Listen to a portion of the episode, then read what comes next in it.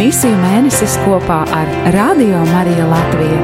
Piedāvājam dienas pārdomas no Tautu evanģelizācijas kongregācijas pontificālās misiju biedrības sagatavotās grāmatas Kristīti un Sūtīti - Kristus baznīcas misija pasaulē.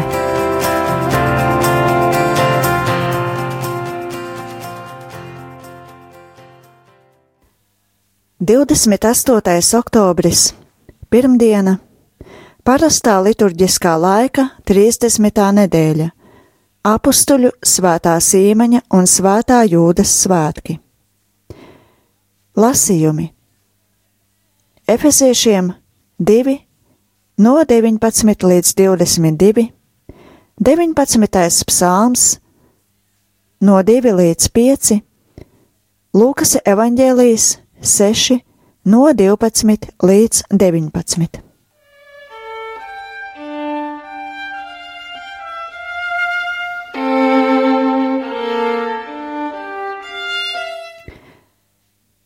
Liturģija turpina apstuļu svētku sēriju, šodien atgādinot par diviem mums gandrīz nezināmiem apstuļiem, kuru relikvijas tiek godinātas Svētā Pētera bazilikā netālu no Svētā Jāzepa altāra.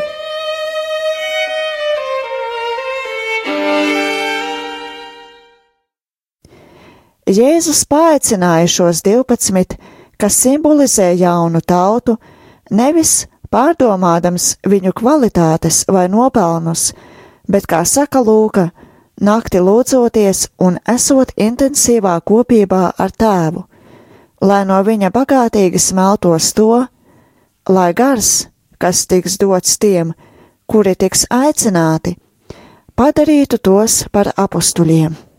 Lūka savā evaņģēlijā vairāk kārt mums atklāja, cik svarīga Jēzum bija lūkšana, satikšanās intīmā un mīlošā dialogā ar savu debesu tēvu. Dažos gadījumos Lūka pārstāja aprakstīt šīs epizodes un pat Jēzus lūkšanu saturu, lai katrs māceklis varētu iemācīties lūgt pats, klausoties kunga sacītajā un darot to, ko viņš pavēl, nevis tikai atkārtojot kādus vārdus, lūdzot, lai Dievs izpildītu visas viņu sautīgās prasības. Autentiska kristieša lūkšana ir dzimusi Dievā. Tā motivē mūsu rīcību, pārveido mūsu eksistenci un atgriež mūs atpakaļ pie Dieva ar pateicības sajūtu. Dieva bērna paklausību, sevis veltīšanu un solidaritāti ar citiem. Lūka pasvītro, ka visi izšķirošie Jēzus dzīves lēmumi tika pieņemti lūkšanas kontekstā, sākot no kristības. Mēs pat varētu iet atpakaļ līdz Jēzus zīdaiņa vecumam, līdz ģetzemanē un krustam.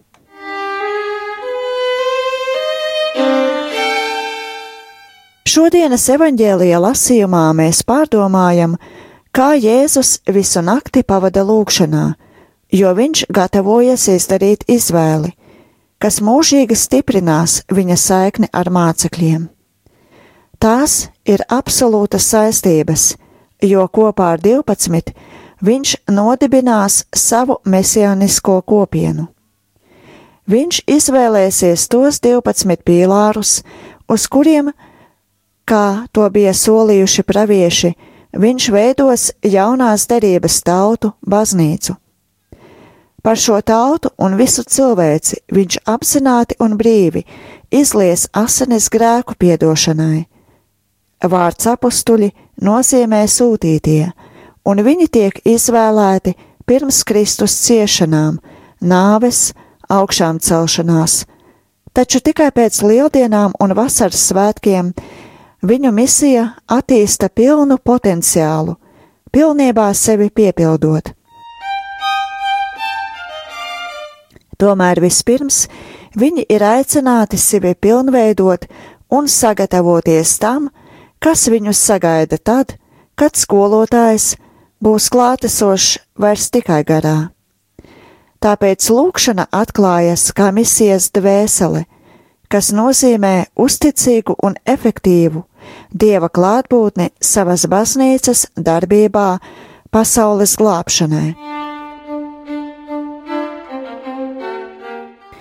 Pāvests Benedikts 16. 2006. gada 11. oktobra vispārējās audiences laikā sacīja šādus vārdus par svēto apustuļu, kanānieša sīmaņa un jūdas stadija ticību un aicinājumu. Dārgie brāļi un māsas! Šodien izpētīsim divus no 12 apustuļiem kanānieti Siemani un jūdu Tadeju, nejauciet ar jūdu izkarjotu. Apskatīsim viņus kopā ne tikai tāpēc, ka tie vienmēr atrodas blakus viens otram 12 mācekļu sarakstā. Salīdziniet Matija 10, 3 un 4, Marka 3, 18, Lūkasa 6, 15 un apstuļu darbi 1, 13 bet arī tāpēc, ka par viņiem ir ļoti maz informācijas, izņemot to, ka jaunās derības kanons saglabā vienu vēstuli, kas piedāvāta jūdam tadējam. Sīmanim tiek dots segvārds, kas atšķiras visos četros sarakstos. Kamēr Matejs un Marks viņu raksturo kā kanānieti, Lūka viņu sauc par zēlotu. Faktiski abi vārdi ir līdzvērtīgi, jo tie nozīmē vienu un to pašu. Ivritā darbības vārds konā nozīmē būt greizsirdīgam, dedzīgam, un to var teikt gan par Dievu, jo viņš ir greizsirdīgs attiecībā uz savu izredzēto tautu, salīdziniet izceļošanas grāmata 25, gan par cilvēkiem, kuru sirdis deg, kalpojot vienam dievam bez ierobežojumiem, kā piemēram Elija. Salīdziniet pirmā ķēniņu 19, 10.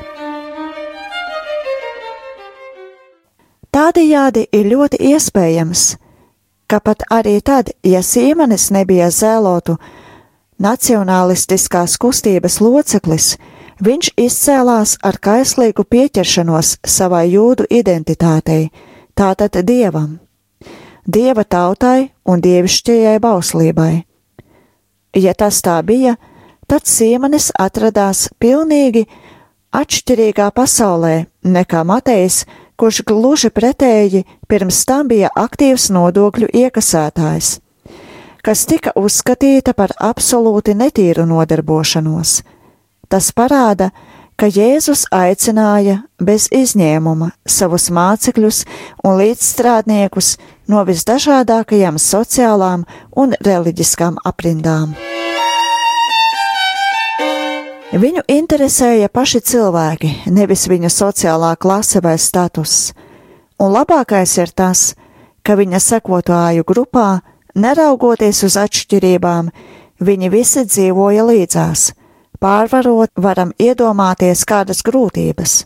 Patiesi, tas, kas viņus saistīja kopā, bija pats Jēzus, kurā viņi visi atradās vienoti viens ar otru.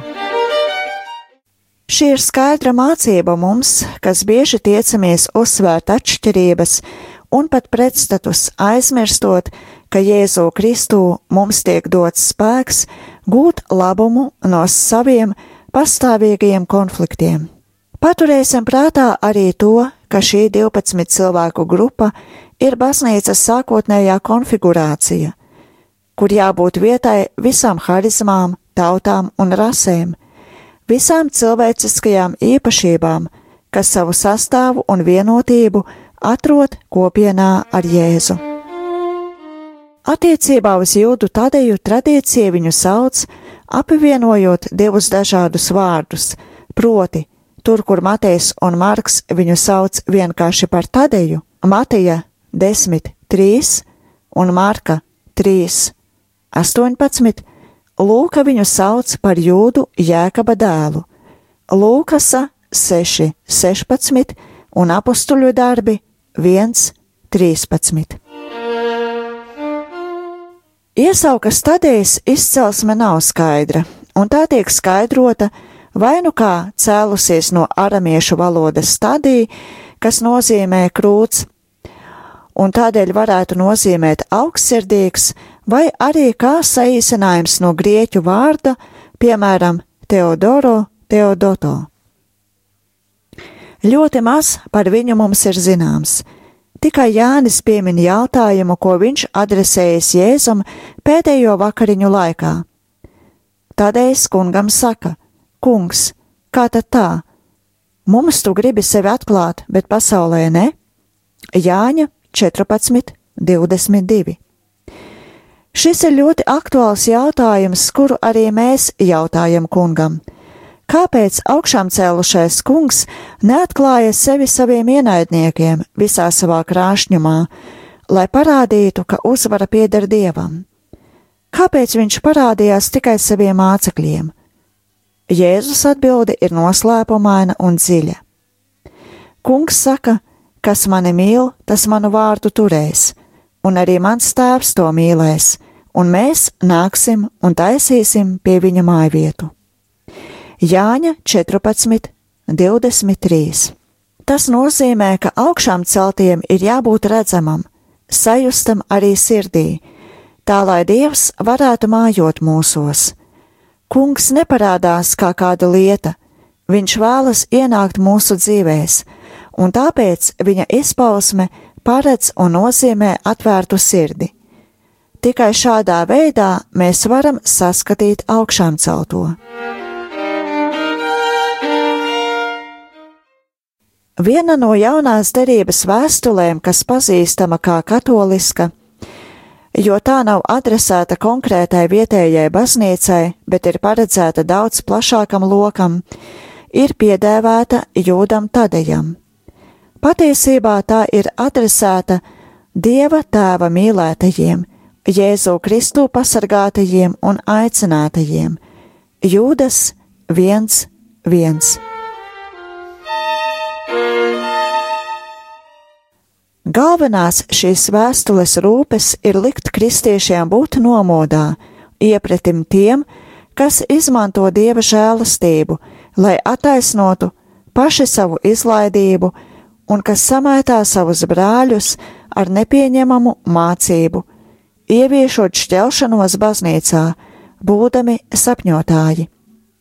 Jūdas 1, 8.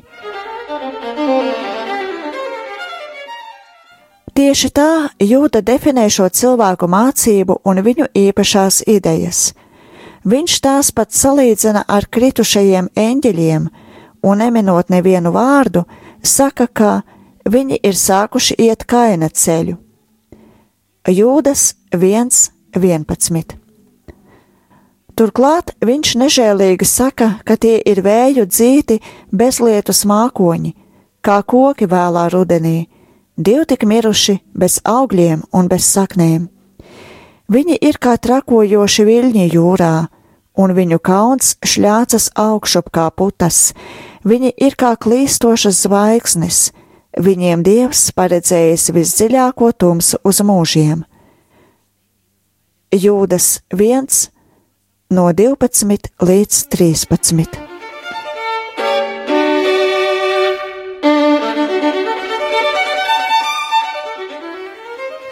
Ir viegli redzēt, ka šo rindu autors pilnībā izdzīvoja savu ticību, pie kuras pieder tāda realitāte kā liela morālā integritāte un prieks, uzticēšanās un visbeidzot slavēšana.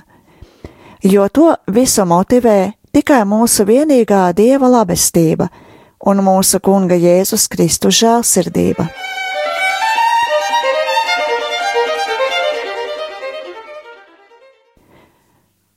Tāpēc abi, gan kanānietis Sīmanis, gan Jūda Tadējs, palīdz mums no jauna atklāt kristīgās ticības skaistumu un nenogurstoši to izdzīvot, zinot, kā vienlaicīgi nest spēcīgu un mieru nesošu liecību.